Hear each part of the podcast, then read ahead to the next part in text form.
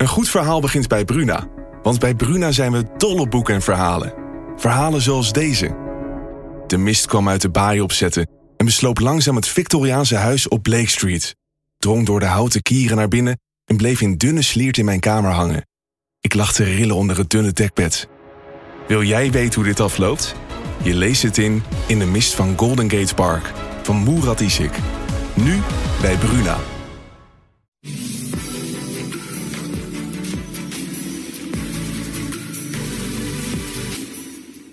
Een hele goede middag. Het is weer vrijdag en dat betekent natuurlijk een nieuwe Talk of the Town. Fijn dat jullie kijken. Uh, we hebben een volle uitzending en ik denk wel een hele mooie uitzending. Uh, waar gaan we het vandaag over hebben?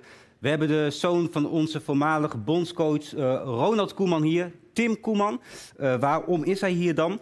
Onlangs een documentaire verschenen op Videoland uh, over die eerste hectische dagen van Ronald in Barcelona. Want hij ging tekenen bij FC Barcelona. En Tim ging mee. Die werd gebeld, privéjet in en direct mee naar uh, de hoofdstad van Catalonië. En ik moet zeggen, eigenlijk vind ik dat Tim bijna een grotere rol had dan zijn vader in die documentaire. Dus daar gaan we het zo meteen allemaal over hebben. Ik ben heel blij dat je er bent, uh, Tim. en hij zei het ook al, van naar Groningen maak ik altijd een uitzondering. Doe ik graag.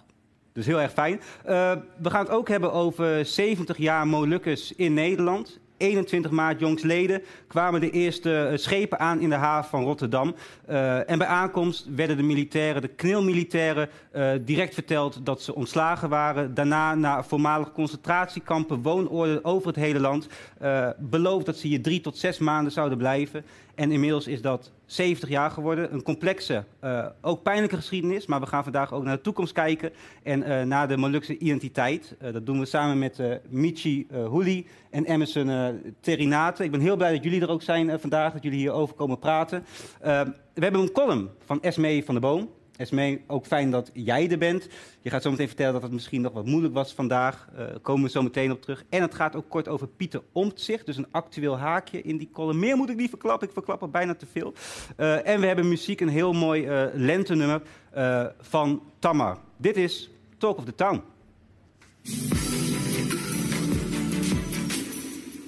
Ja, en naast mij zit Caro Sinks. Bijna goed, Cora. Cora, Cora, sorry Cora. Uh, Cora, heel fijn dat je er bent. Met jou gaan we het hebben over het grote gebeuren. Een literair festival hier morgen in het Forum. Allemaal online te volgen. Uh, heb je daar al een beetje zin in? Ongelooflijk veel zin. Dat ja. is goed, dat is altijd goed. Uh, maar voordat we het daarover gaan hebben, gaan we het eerst even hebben over een nieuw radiostation in Groningen. Relate Radio. Jij bent een van de initiatiefnemers. kan je kort uitleggen wat dat is? Relate Radio, ja. Uh, nou, dat is het nieuwe station van uh, Groningen. Wij zenden online uit via livestreaming. Ja. En uh, we zijn dat platform eigenlijk begonnen omdat we merkten dat het talent uit Groningen niet altijd goed zichtbaar was. Dus we dachten van wat kunnen we doen om te laten zien dat Groningen echt alles in huis heeft. In alle genres, in alle niches. Vet.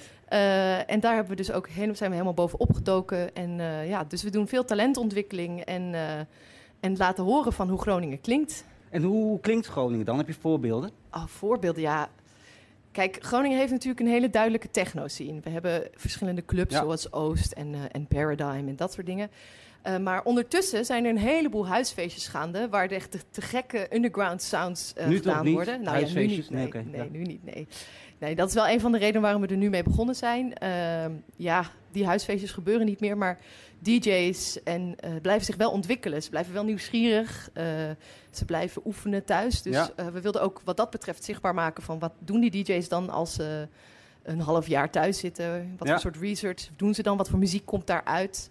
En eh, we geven DJ's vaak ook de opdracht mee om echt iets bijzonders te doen. Dus niet kom bij ons draaien wat je zou doen in een, eh, op de Ja, hoofdstage van een groot podium. Maar Tof. Wat wil jij echt laten horen als jij bijvoorbeeld je eigen clubavond mocht organiseren of zo? Klinkt cool. Dank je. En is er nog niet helemaal, heb ik het gevoel ook. Nee, nee. ehm, mijn ervaring, eh, ik ben ook DJ en mijn ervaring was dat alles wat ik draaide, dat werd gewoon, dat verkocht gewoon niet genoeg tickets. En om die reden word je dan vaak niet geboekt. Mhm. Wat heel logisch is, want clubs moeten ook gewoon hun hoofd boven water houden Ja. en, en geld verdienen. Eh, maar het was wel, eh, ik, ik vond het zelf heel zonde, want ik had wel een soort van niche om me heen van mensen die wel graag op feestjes wilden komen dansen op de muziek die ik draaide. Ja, En, snap ik. nou, ik hoorde van andere DJ's dat zij soortgelijke ervaringen hadden. Toen dacht ik, nou, als een heleboel DJ's net in een niche zitten die te klein is voor hunzelf. Wat als we al die niche DJ's bij elkaar gooien?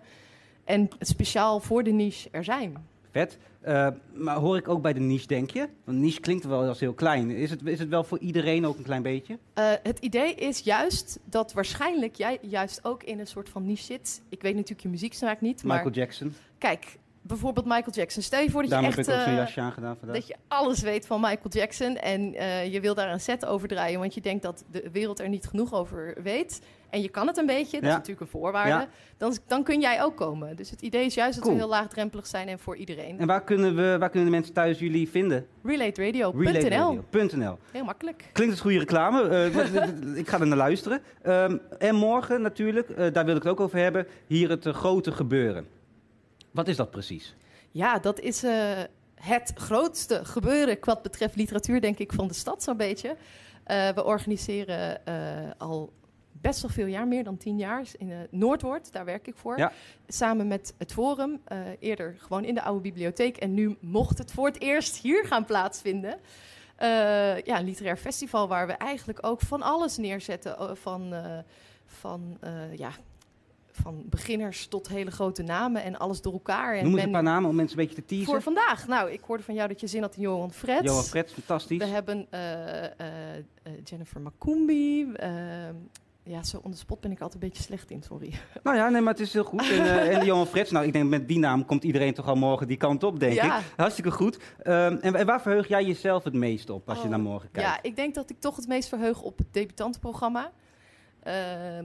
Dat zijn dan niet altijd jongeren, by the way. Dat denken mensen altijd, dat debutanten. Maar in de auteurswereld is het heel normaal dat iemand op zijn zestigste pas zijn eerste boek schrijft. Echt waar? Ja, dat is, uh, is echt anders dan in andere scenes. Oké. Okay. Dus in de muziek, of uh, in, de, in de literaire scene kun je best op je vijftigste je eerste boek schrijven. Dus we hebben daar een groepje debutanten. Ook mensen van allerlei achtergronden die met elkaar in gesprek gaan over hoe het is om je eerste boek uit te brengen. Ja. En uh, dat zijn vijf mensen tegelijkertijd, alsof het een soort ronde tafelgesprek is. En ik denk dat dat uh, heel levendig en leuk werkt op, uh, op een livestream. Dat klinkt heel tof. En het is allemaal dus live te volgen ja. morgen. Zijn er nog, ik heb nog geen kaartje. Dat kan nog. Tot okay. morgen twee uur kun je kaartjes kopen. Gewoon via de website van het Forum of van Noordwoord. tickets zijn volgens mij nog onder de 20 euro volgens mij 12,95 uit mijn hoofd. Ja, en je kan ook nog een iets duurdere prijs doen als je het Forum ook wat, uh, Forum in Noordwoord wat extra wil geven. Klinkt hartstikke goed. Ja. Uh, we hebben een kort filmpje. Uh, dankjewel, Cora, dat je er, dat je er was. kijken we nog kort naar een filmpje. Daarna schuift Tim Koeman aan.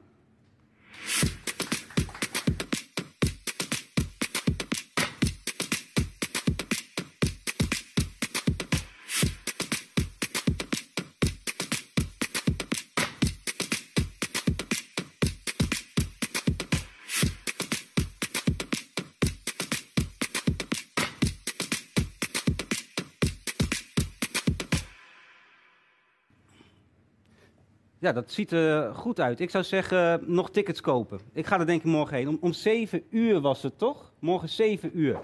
Nou ja, uh, doen zou ik zeggen. Hier aan tafel Tim Koeman, uh, de zoon van onze oud-bondscoach. Ik denk dat velen van ons balen dat het niet meer onze bondscoach is.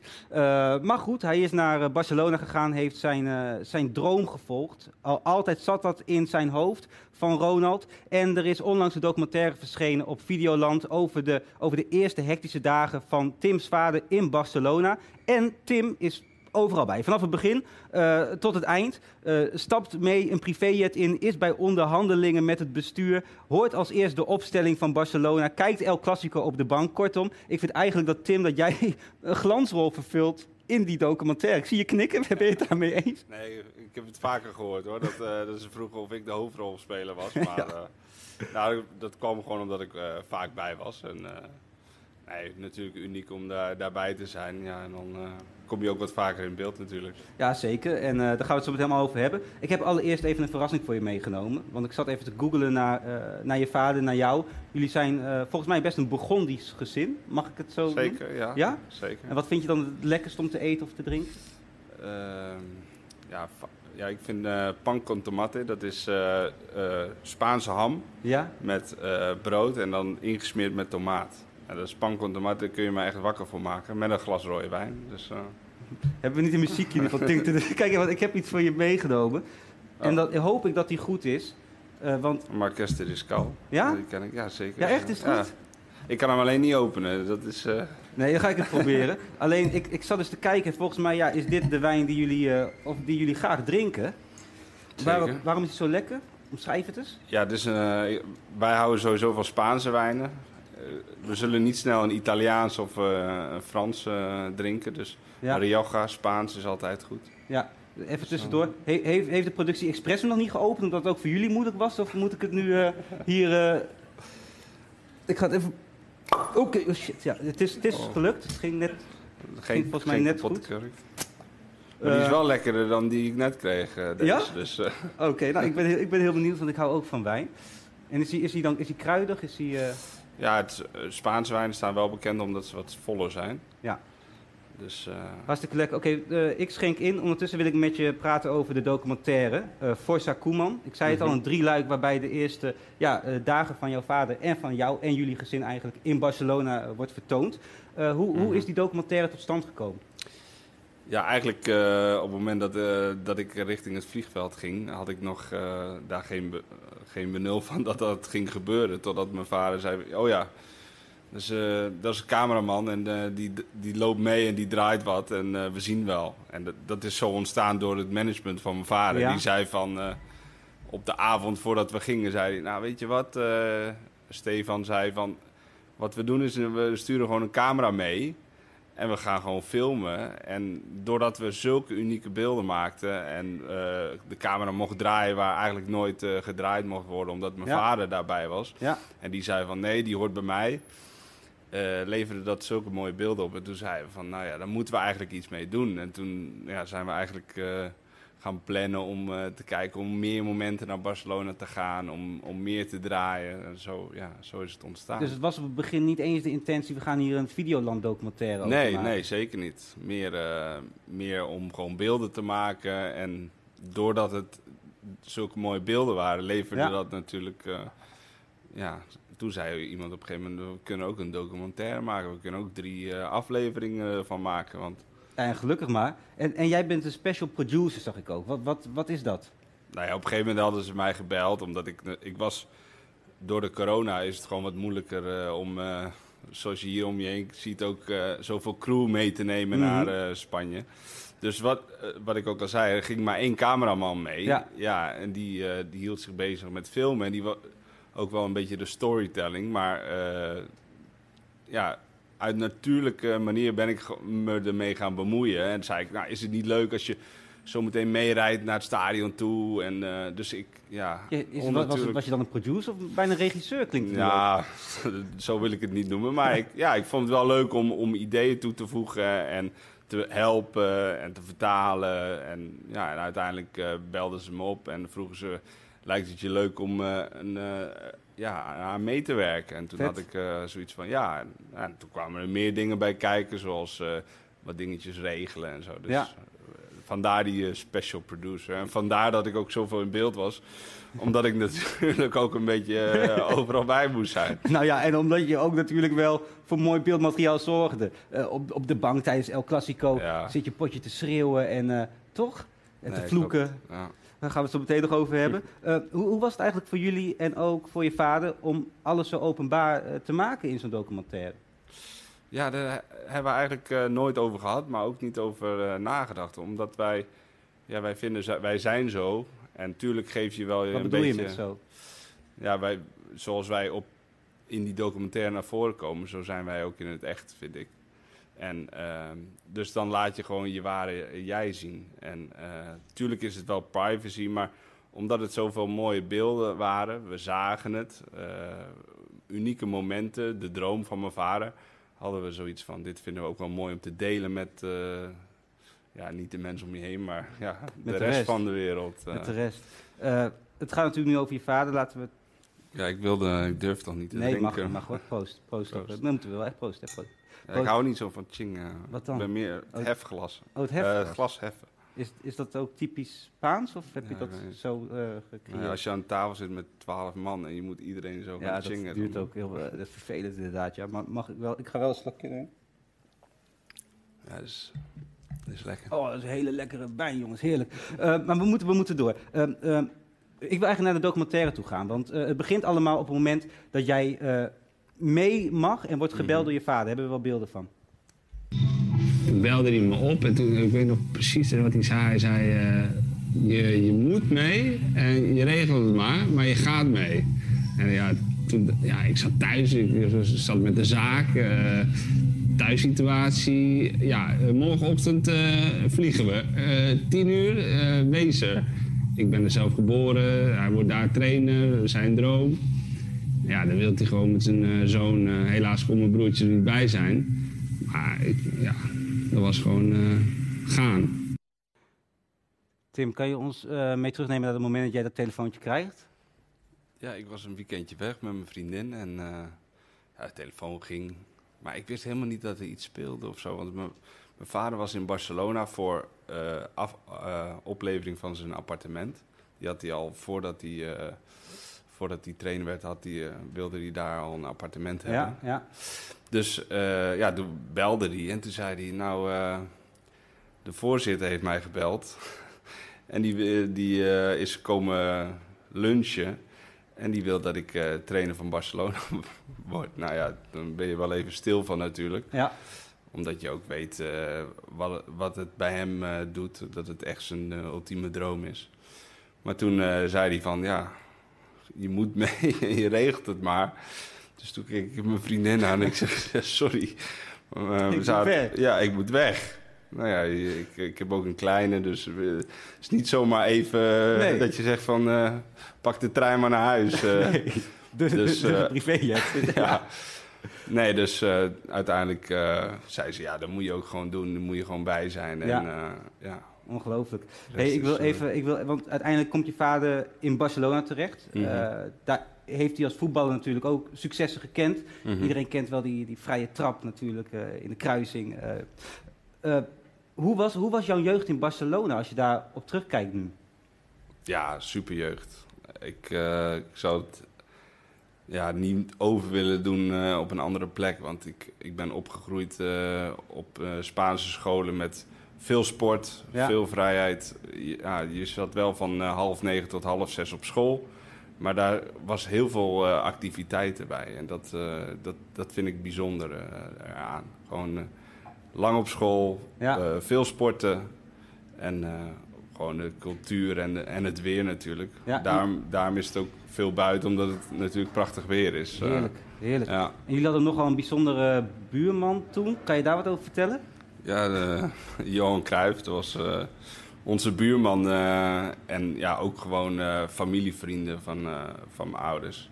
Gewoon kwamen iedere dag over de vloer. En hij, als mijn ouders gingen uit eten, dan paste hij op. En ja, dat is wel heel bijzonder dat Johan Cruijff je oppas is geweest. Zeg Ja, maar. dus, ja, ja, dat klinkt best wel bijzonder. Daar ben ik wel jaloers op, een beetje, denk ik. Eh, dat, dat klinkt heel mooi, maar ik kan me ook voorstellen dat eh, er ligt veel druk op zo'n voetbalgezin, zo'n voetbalfamilie. Mhm. Met je vader, je oom, eh, je opa ook natuurlijk, Martin Koeman, hier... Mhm.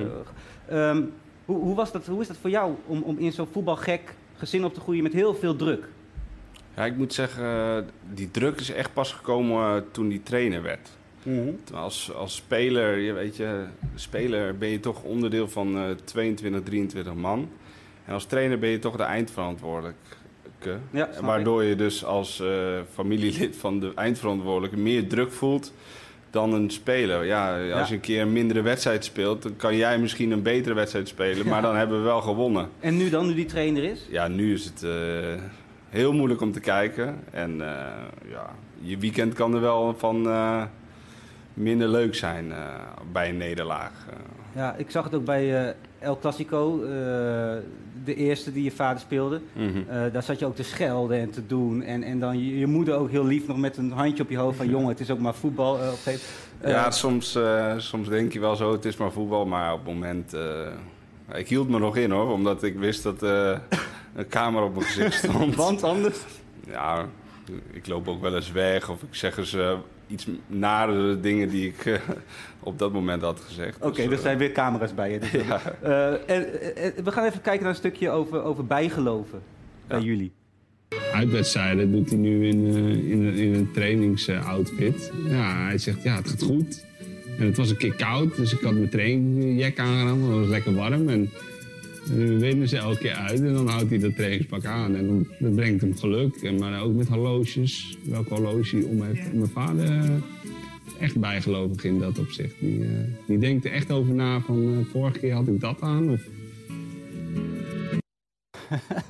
Hoe, hoe zit het met jou? Heb jij, heb jij iets bij een wedstrijd? Doe jij iets bijzonders? Van je vader dan?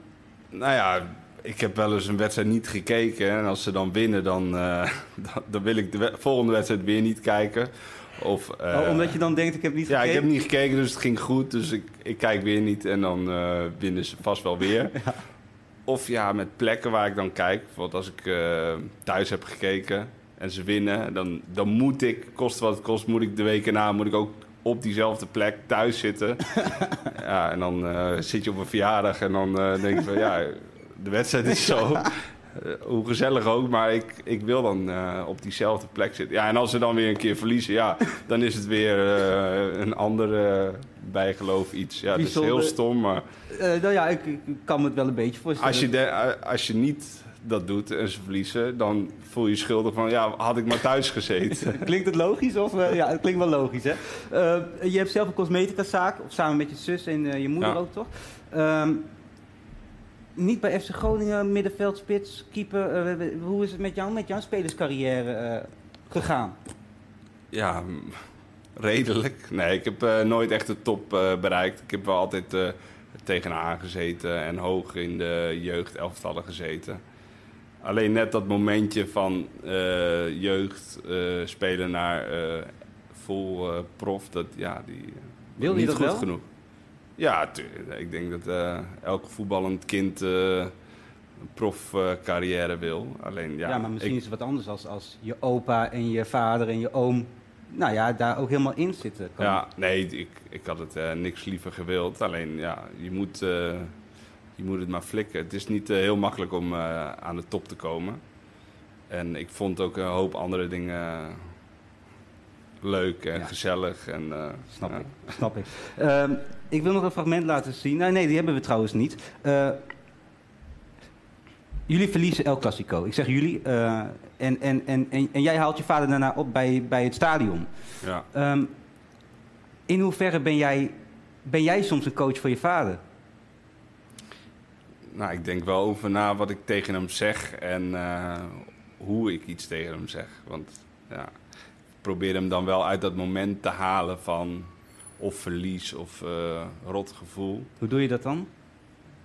ja, dan, ja, dan eh, zeg je ook wat hij zegt. Of dan zeg je, ja, je hebt gelijk of zo, weet je wel. De- dan val je hem niet in de reden. En dan zeg je, ja, nee, klopt. En, eh, maar vaak heeft hij ook wel gelijk daar niet van. Maar ja, je probeert er gewoon voor hem te zijn. En je, je benoemt nog wat dingen wat, wat... Als dat was gebeurd, dan was het beter geweest. Ja, ja. Voor Als, als die penalty was gegeven, dan eh, was het een totaal andere wedstrijd Je geweest. praat gewoon een beetje mee. Ja. Ja. En, eh, er iets minder slecht gevoel aan ja dat snap ik. Ik kan het- moeilijk zeggen van nou, jullie waren echt kansloos. Heb je dat wel eens gedaan? Als je dat echt denkt, dan zeg je dat toch wel, Nee. of niet? nou, misschien een oefenwedstrijd. Maar niet. Eh, Is hij wel eens emotioneel? Na, naar een, als het voetbal gerelateerd is? Ehm, nee, denk ik niet. Ja, eh, misschien eh, emotioneel eh, in teleurstelling, maar niet in verdriet. Nee. Is dat dat nuchtere Groningse misschien wat erin zit? Ja, ik denk dat dat wel zorgt voor dat hij zo'n succes heeft gehad wat hij heeft. Door gewoon nuchter te blijven en ook Ja. het, ja, de mooie dingen van het leven in te zien. Je zegt hele mooie dingen over je vader. We hebben ook een boodschap van Ronald voor jou. Oké.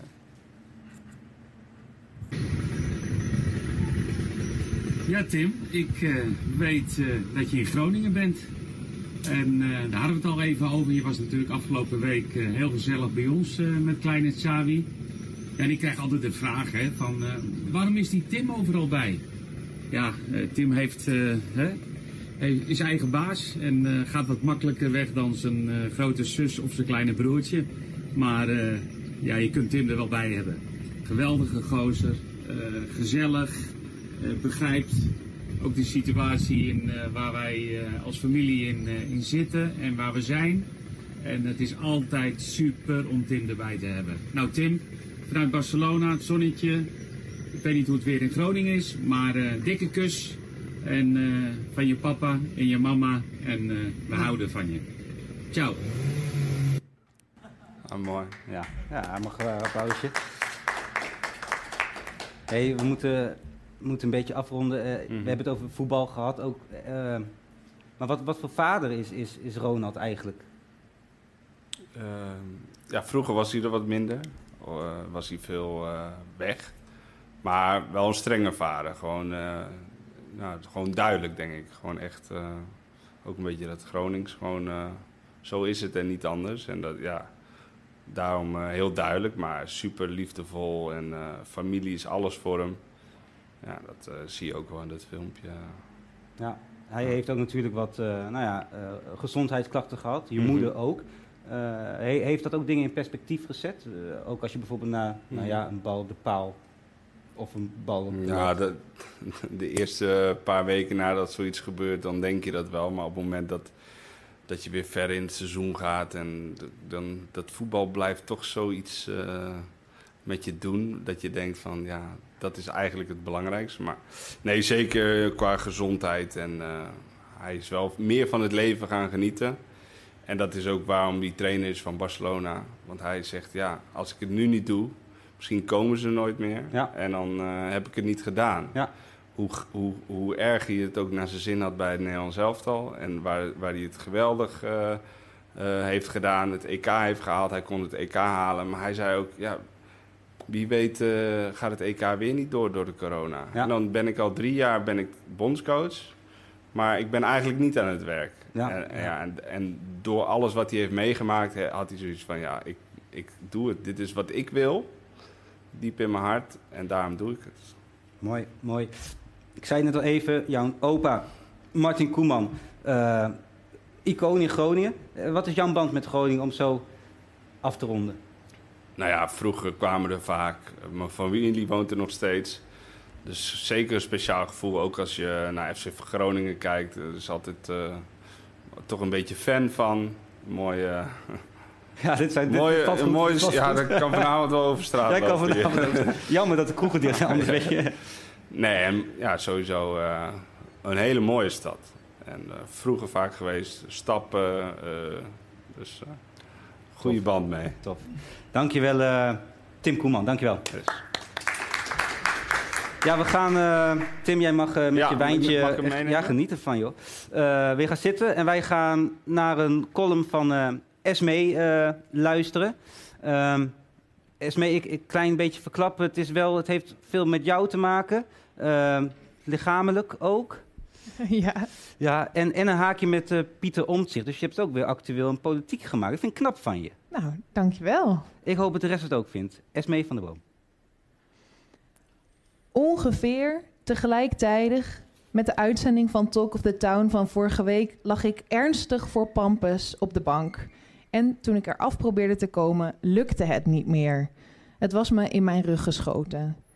Ik ben 27 en ik ben nog niet beroemd genoeg om in die club te komen met Amy Winehouse en Kurt Cobain.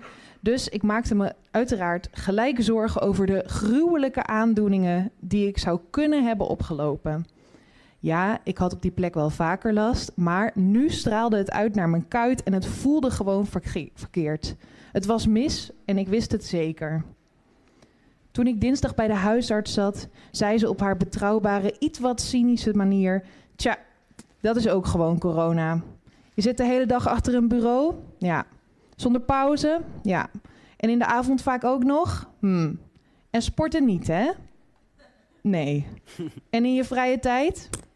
Onderuit op de bank, mompelde ik, schuldbewust. Juist, zei de dokter.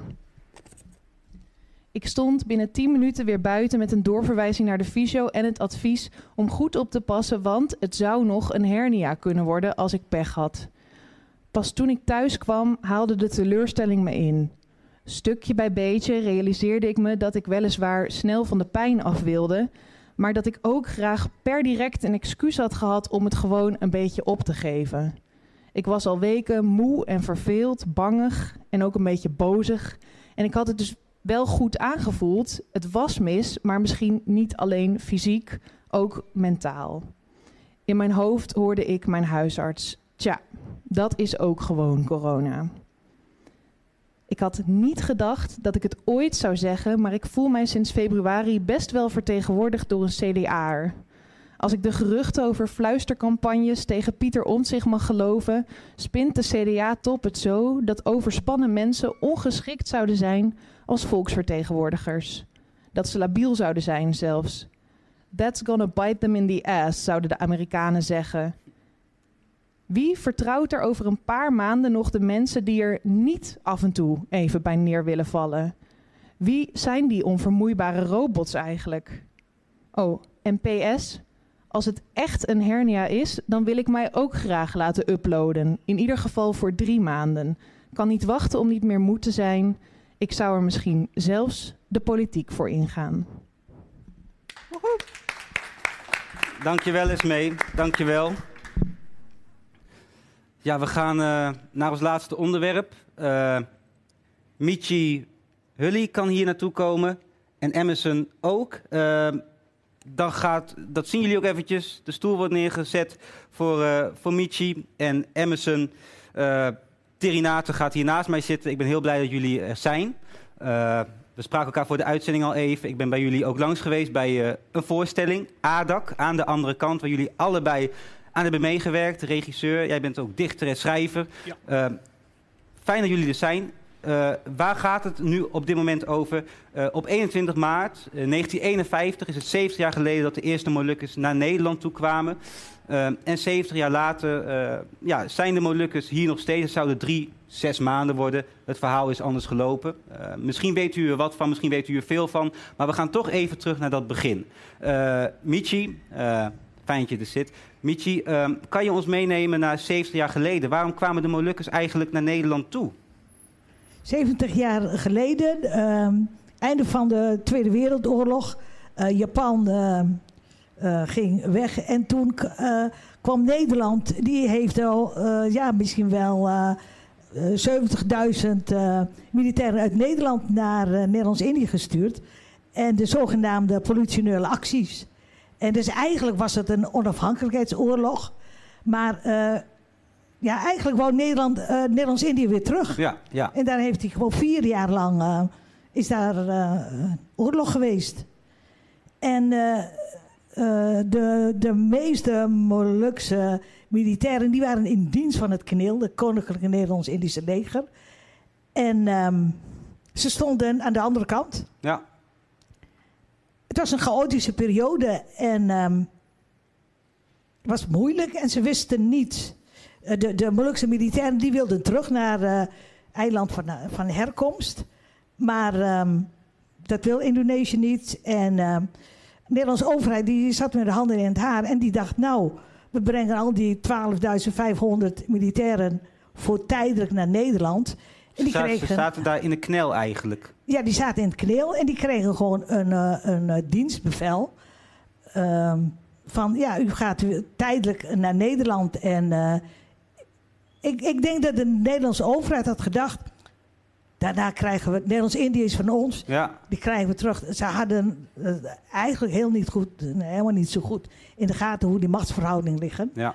Nou, uiteindelijk kwamen ze hier. Um, mijn ouders die zijn met de tweede boot gekomen, de Atlantis. 23 maart. Ja, staat op de, op shirt, op heel mooi van, uh, van Emerson. En uh, bij aankomst in Amersfoort. En toen gingen ze naar kamp... Uh, Schattenberg, dat is voormalig kamp Westerbork. Mag ik daar nog een klein stukje over voorlezen? Want ik ben, ik, ik, ik, dit geeft me heel erg aan. Dit gaat over een stukje van een knilmilitair die in Amersfoort aankomt. Na die lange bootreis van de tropische Molukken naar het koude Nederland. En dan schrijft hij het volgende. Terwijl Augustinus met zijn kameraden op de Berenlaan zaten te wachten op een definitieve beslissing, dat was nog op Java, werd op een gegeven moment gezegd: jullie mogen naar Holland toe. Maar voor tijdelijk. Jullie blijven daar in Nederland voor drie maanden.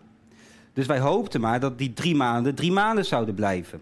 Uiteindelijk vertrok Augustinus met de boot naar Nederland met de Roma, een Italiaans schip. Mijn vader zat er ook op. Na hun aankomst gingen ze naar Amersfoort, uh, naar het voormalig concentratiekamp waar alle Molukkers voor een medische keuring naartoe getransporteerd zijn. Daar kregen we meteen een ontslagbrief in handen. Ontslagen uit het leger. We konden niks meer zeggen. Dat had ik niet verwacht. Dat is best wel erg. Dat, dat, dat, uh, nou, dat raakte mij, dat stukje dat, dat, dat ze er aankomen en eigenlijk direct uh, uit het leger ont, ontslagen worden. Hebben jullie daar ook. Uh, hoe, hoe reageerden jullie ouders, jouw ouders daarop?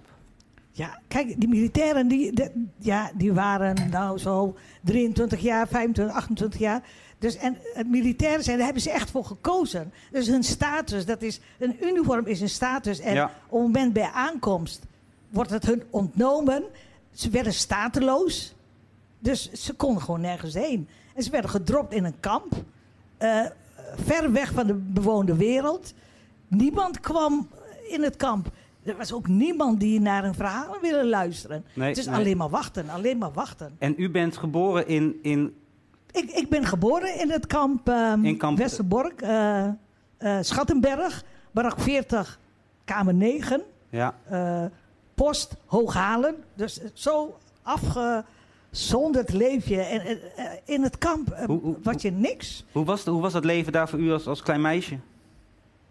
Uh, ja, kijk, mijn ouders die kwamen vanuit de tropen. Die, die, die wisten zich niet, uh, ja, nauwelijks te overleven in zo'n... Dat was in maart dat ze kwamen. En mijn moeder zei... De struiken, de bomen, door en droog. Of volgens mij ga ik hier hartstikke dood. Ik, ik ga dood hier, want er is helemaal niks groen, alles is droog en dor. Dus eigenlijk is er van binnen ook al, ja... ja. Uh, en en hoe, hoe, hoe, was dat, hoe was het voor u daar opgroeien? Ja, kijk, waar je wieg staat, ja, dan, dan weet je niet beter. We hadden de, de natuur voor ons. Dat is de bossen en uh, lange barakken, um, kamers aan weerskanten. Heb je nog zo'n flikkerend peertje. En uh, koud water toen ik naar school ging, moest ik elke ochtend naar een centrale punt. Ja. Om warm water te halen. 10 liter emmer. De helft ging over mijn benen. En dan was ik thuis, moest ik nog een keer lopen voordat ik naar school ging. De omstandigheden waren niet goed? Nee, nee, nee, nee. En, en uh, u vertelt over uw ouders. Waar, waar zat bij uw ouders de meeste pijn? Uh, het, de, het ontvangst, zij waren trouw aan Nederland. En dit hadden ze echt niet ver, verwacht. En nu, achteraf, denk ik, trouw tot hoe ver kan je gaan? Maar als je kijkt naar de koloniale geschiedenis, zij werden gezien als de strijders. Uh, ja, ze konden schoenen dragen als kniller. Uh, ja, ze kregen een schouderklopje. En, um, ja. Dus ja, dat hele koloniaal verleden, dat, dat zat in hun systeem. En achteraf gezien denk ik dat de tweede generatie, dus mijn generatie, ja. die kreeg ook door dat de veranderingen, die kon niet meer van de, uh, onze ouders komen. Die veranderingen die moet van ons komen. Snap ik, snap de, ik. De dekolonisatie, dat je kijkt naar je eigen houding en gedrag dat je niet meer in dat koloniaal systeem wil ja, zitten. Ja, ja, u zegt het al, u bent van de tweede generatie. Uh, in de jaren zeventig uh, werd een groep daarvan ook activistisch. Hoe, hoe keek u daar tegenaan? Nou ja, als je in het kamp bent geboren en elke dag moet knokken. Ik, ik weet nog, als ik in tegenstelling tot de generatie van Emerson. Onze generatie was alleen maar boos, hè? Ik, ik, ja. Waar, waar, waar was je allemaal boos op?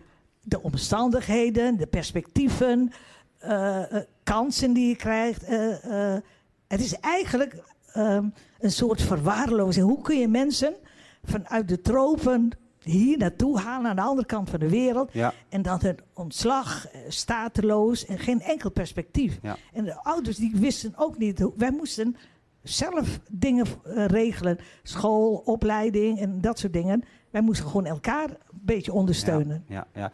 Emerson, ik wil even naar jou toe. Uh, jij bent de afgelopen weken ook uh, heel actief over dit onderwerp aan het praten. Je werkt mee aan de BNN-Vara-documentaire van Koen Verbraak... over 70 jaar Molukkers in Nederland. Klopt. Wanneer dacht jij van, ik wil me hier graag over uitspreken? Ja, dat is eigenlijk al vanaf jongs, vanaf jongs af aan. Ik bedoel... Ik uh, ben opgegroeid in Assen in de Molukse wijk, de grootste Molukse wijk van Nederland, uh, naast Bovensmilde. En ik had altijd al iets met schrijven. En ik ben extravert, ik praat graag. En ik ben ook heel erg nieuwsgierig. Ja. Dus ik ben opgegroeid zeg maar, met, met de Molukse geschiedenis. En eh, Werd daar makkelijk over gepraat? nee, nee, nee. Het is eh, eh, stille, stille verdriet, zeg maar. En ik, heb, ik heb twee uitersten ervaren. Als je dan kijkt, mijn eh, opa van mijn eh, moederskant, die is overleden toen in 1990, toen was ik net 12. Ja. Dus ik heb hem niet zo goed gekend. Het- wat ik van hem herinner is dat een hele stille, teruggetrokken man was. Ik weet niks over zijn oorlogsverleden, want dat Hij is sprak er niet over. Hij sprak er niet over. Maar mijn opa van mijn vaders kant daarentegen, die, die sprak er juist over. Elke dag weer over zijn oorlogsverleden, zijn verhalen. Dus die ken ik. Later hoorde ik van, ja, dat is zijn manier, zeg maar, om zijn trauma's te verwerken. Heb, heb je een voorbeeld van die, van die concrete voorbeelden van die trauma's? Eh, ja, ja niet zelf meegemaakt, maar wat ik dan Hmm, hoor bijvoorbeeld is uh, ja, s'nachts huilen, in een slaap, nachtmerries, dat soort dingen. Ja. En, en, en jij bent dan eh, de derde generatie al. Ja. Wa- waar, zit, waar, waar zit bij jou nog pijn? Eh, bij mij zit de pijn, eh, weet je, de, de, de, de, het, laat ik het zo stellen, het verdriet en, het, en de trauma's. En ik denk dat Tante Mietje dan wel met me eens is, is dat, dat het, het gaat van generatie op generatie. Zeker als je betrokken bent met de Molukse, bij de Molukse gemeenschap. En zo is dat bij mij ook gegaan. Als je niet eh, beïnvloed wordt dan, door familie, dan wel door, door je omgeving en door Ja. je vrienden en wat je ziet in het nieuws. En eh, 25 april en zeker de bewustwording van bij mij toen ik, eh, toen ik tiener was. Weet je, dan probeer je je eigen identiteit eh, eh, te achterhalen. Van wie ben ik nou echt? Ja, en dan, dan, dan, dan, dan, dan in die periode, ja, heb ik, zo op die manier heb ik me gevormd. Ben ik gaan navragen over, over alles. En, En tot welke conclusie kom je dan? eh, hoe bedoel je? Nou, als je gaat doorvragen en, en je gaat onderzoeken waar die pijn vandaan komt, wat voor beeld ontstaat er dan over de geschiedenis van de Molukken? Het beeld eh, ja, dat, dat, dat we gewoon eh, ver- vernederd zijn en betrapt en ja, voorgelogen zijn, misleid. Ja, dan dat maakt je wel boos. Ik, zie ook dat je nu nog eh, Ja. dat. nee, maar dat is, eh, dat is heel logisch. Het is, eh, eh, ja, het is wel, het is nog een, zo zie je maar weer hè, dat het van, van generatie Ja. op generatie overgaat. En daarom extra knap dat je hier zit en hierover praat. Want Ja. moet, ook, moet, ook, dat moet ook besproken worden. Je, als, we het over, als we het over het knil hebben. Jij, jij schreef een blog, las ik een paar dagen geleden. En dan vind je het ook moeilijk om, over het, om, om een mening over het knil te vormen. Je bent heel trots op bij de opa's, vertelde jij. Ja. Maar je bent niet trots op, op, op het knilleger. Dat, hoe kan je dat toch verenigen? Want ze hebben er beide bij gezeten. Ja, ik heb dat, eh, eh, hoe ik het beste kan omschrijven, is dat met de kennis van nu. Hè, hoe er met onze, met onze opa's, met de eerste generatie is omgegaan. Ja. Ja, dan heb ik het inderdaad op die manier beschreven. Van ja, daar ben ik, er, ben ik er niet trots op. En wellicht, anno 2020, met de kennis van nu, Ja. kunnen we misschien stellen van ja, eh, kijk, het kan mij niet omgaan eh, dat ik dat soms die gedachte heb van ja, het- misschien hebben we aan de verkeerde kant van de geschiedenis gestaan. ja. Maar het is natuurlijk een lange geschiedenis die al teruggaat tot, nou ja, 350 jaar kolonisatie, dat, Ja, eh, ja. dat eh, Ja, laten we dan eh, het wat positiever gaan, Ja. eh, gaan turnen natuurlijk. Want er is ook een prachtig boek eh verschijnt er over 70 succesverhalen in de, van de Molukkers. Ja. Daar sta je ook in in dat boek. Waarom, waarom, Klopt. nou ja, ik zie het nu waarom je erin staat, maar waarom sta je erin volgens de tekst in dat boek? Nou, het, is, het is een boek van eh Om et Lithemia. En die heeft mij geportretteerd. Net als de foto die jullie op jullie Ja, socials hebben ja. gezet. En hij heeft die foto genomen. En ja, het is gewoon in het kader van 70 jaar Molukkers in Nederland... uit eh, respect voor eh, de eerste generatie. En eh, heeft hij vanuit zijn visie en in- vanuit zijn kader... heeft hij 70 mensen daarin geportretteerd... van Mooi. tweede, eerste, tweede, derde generatie, vierde generatie zelfs ook, heb ik ook erin zien staan. Ja, ja. Ik zie ook daar heel veel artiesten in voorkomen, creatieve. Er is heel veel succes gekomen uit die Molukse cultuur ook. ja. Ook hier in Nederland. En dat is ook mooi voor de integratie om te zien, vind ik. Is een heel mooi boek om ook te lezen. eh. Klopt. En daarom heb ik ook deze t-shirt aan. Die heb ik toevallig vandaag over de, eh, door de post gekregen. Ja, Als, als een verrassing. Dus ik wist niet eens dat ik die t-shirt zou krijgen. van ver gekomen. Het staat voor ver gekomen. En dan achter op mijn rug alle, alle schepen met de datums van aankomst. Ja, En het heeft gewoon twee betekenissen. Letterlijk, dat de eerste generatie van ver is gekomen vanuit de Molukken hierheen. ja, Maar dan als je het nu ook bekijkt van eh 70 jaar later, zijn we ook letterlijk van ver gekomen. Want onze opa's die kwamen hier alleen maar met een, met, met een, met een koffertje, ja. met kleren. En nu hebben we in elk vakgebied hebben de Molukse mensen zich gespecialiseerd. Mhm.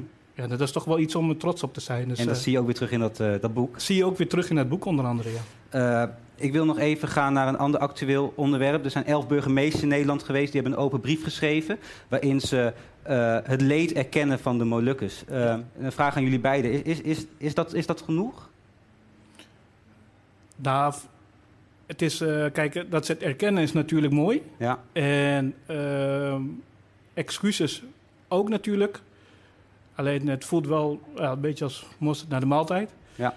En eh, wat ik ook in mijn blog had geschreven is ehm, de excuses die de elf burgemeesters hebben eh, ondertekend, of tenminste die- Mhm, ja. brief, heeft betrekking op hoe de Molukkers zijn behandeld in Nederland. De aankomst in Nederland. En hoe het bij mij overkomt is van oké, prima dat ze excuses aanbieden. Alleen wat de Nederlandse regering echt excuses voor moet aanbieden, is hoe de voor de 350 jaar koloniale uitbuiting, waar het begon. waar het begon. En de misleiding en, en, en, en de dorpen die platgebrand zijn en noem maar op. Al die eh wreedheden, want dat leren we ook niet op school. Nee, Alleen nee, maar dus- de mooie kanten van de VOC. Iemand van de redactie zei het al: er staan maar twee zinnetjes in onze eh, Ja, ja, geschiedenisboeken. Eh, en waarom Michi is zo belangrijk dat deze geschiedenis doorverteld wordt, ook aan, aan nieuwe generaties. Nou ja, omdat ik denk dat het koloniale verleden doorwerkt in, in de tijd van nu. En omdat dat eigenlijk nooit is erkend, die koloniale geschiedenis. Dat is ook een pijnlijk onderdeel van de geschiedenis, van de Nederlandse eh vaderlandse geschiedenis. Men wil er niet over hebben. Maar je- er zijn de nazaten van mensen, Indische Nederlanders, Molukkers, eh, mensen uit Papua, die hebben ook te maken met die koloniale geschiedenis. Het is echt onderdeel van de Nederlandse geschiedenis. En dat moet ook erkend worden, want de nazaten die, die, vragen, eh, die vragen daarom. En, en, en, en duidelijk, maar eh, ja, jullie vertellen het goed, vind ik. Dat wil ik even. Eh, de, de koning heeft excuus aangeboden voor de periode van de politionele acties, zeg maar, de onafhankelijkheidsoorlog. Maar dat is, dat is niet genoeg. Die 350 jaar daaraan voorafgaan, da- daar moet je het ook over hebben. Er zijn eh, jongeren, of eigenlijk in alle generaties, de tweede, de derde, de vierde, de komende weer, eh, vijfde en Ja. zesde. ehm, was er ook altijd het idee teruggaan naar de Molukken en naar de, de RMS, om het zo te noemen. Dat was de staat die daar uitgeroepen is. Eh, hebben jullie daar ooit over nagedacht, of misschien nog steeds? Willen jullie misschien nog ergens een keer terug in de toekomst? Nou, kijk, ik ben opgevoed in tijdelijkheid. Hè. We gaan terug. Dus eh, eh, carrière, opleiding, werk. Dat is allemaal met het doel. We gaan eerdags terug. Maar op een gegeven moment ben je wat ouder en dan ga je zelf een keuze maken. En toen dacht ik, nou, volgens mij moet ik gewoon hier blijven, want ik ben hier geboren. Ja, ja. En eh, je kan altijd terug, je koopt een ticket. En ehm, nou, ik ben daar vier keer geweest. En eh, mijn kinderen blijven hier ook. eh, maar ze hebben wel in hun achterhoofd, daar heb ik wel alle familieleden, ooms en tantes, die, die, die wonen daar. En, maar je koopt een ticket en je gaat erheen. Ja, ja mooi. Eh Michi en Emerson, eh, hartstikke bedankt dat jullie hier wilden zijn. yes. Dank jullie wel. Ja, en dan, eh, dan gaan we naar het, eh, naar het einde van de show alweer. Eh, en dat gaan we zo meteen doen met Tamar. Die heeft een, een mooi nummer gemaakt. En het is lente. Daar gaan we zo meteen naar luisteren. Maar allereerst heb ik nog een huishoudelijke mededeling. Want je kan namelijk een, een, een borrelbox winnen van NOK. Dat kan je winnen als je ons volgt via Instagram en een leuk berichtje achterlaat. wat je van de show vond. Je mag ook eh, iets vertellen over hoe je week was, als we dat leuk vinden. En dan kan je volgende week die borrelbox hier ophalen als jij wint. En we gaan nog even kijken, want er was afgelopen eh, week heerlijk lenteweer. En toen ben ik maar eens de stad ingedoken om te kijken wat er allemaal te doen is. Dus een paar tips voor de lente. En met het lenteweer heb je ook, nou kijk eens hoe, hoe lief en hoe schattig en hoe jong, heb je ook lammetjes. Kijk eens. Mooi. hoe is het? Stadspark ook wel lekker hoor. Groot. Veel ruimte. Niet te veel mensen, hutje, mutje op elkaar. Ja, en natuurlijk Noordplantsoen. Daar kan je ook lekker bier drinken. Of bij zonnige pilsje halen. En dit is ook lente. Voetballen, steppen, skaten. En natuurlijk de papiermolen. Die is weer open. Ja, maar het was heerlijk. Dus ik ga lekker een, eh, een duik nemen. Het ijsje bij de sluis was echt, eh, echt heel chill. Misschien wel een van de beste ijsteentjes van Groningen. En het plekje is ook niet verkeerd. Heel lekker. Een goede tip. Ja, dat kan eigenlijk niet. Ik zeg over mezelf dat het een goede tip is. Een beetje arrogant, maar goed, eh, voor deze ene keer. Eh, dus ga dat lekker doen. En, eh, en volgende week, dinsdag gaat er weer sneeuwen. Dan kom ik met sneeuwtips. Het weer april doet wat hij wil. we gaan naar Tamar toe. Mooi nummer. Ik heb het al geluisterd. hoe, hoe is het nummer tot stand gekomen? Um, het nummer is tot stand gekomen in de periode na het overlijden van mijn moeder en de geboorte van mijn tweede zoon. Een tijd waarin uh, verdriet en vreugde heel dicht bij elkaar lagen en het van de winter weer lente werd. Tamma. 1, 2, 3. Droomde ik, liepen we daar heus gearmd op straat haar achterna. Zo koud, zonder jas en schoenen toch voorop en het werd lente. Ik liep achter haar aan in de stoet. Even huilen en dan verder. Straks dan lopen we terug. En het werd lente. Ik liep achter haar aan in de stoet. Even huilen, want nu kan het. Straks dan hebben we de handen vol.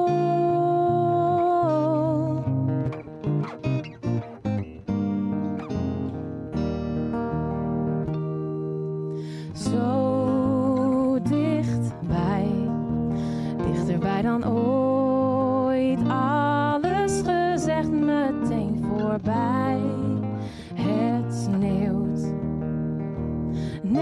als in het liedje viel de sneeuw. En het werd lente, ik liep achter haar aan in de stoet. Even huilen en dan verder, straks dan lopen we terug. En het werd lente. Ik liep achter haar aan in de stoet. Even huilen, want nu kan het. Straks dan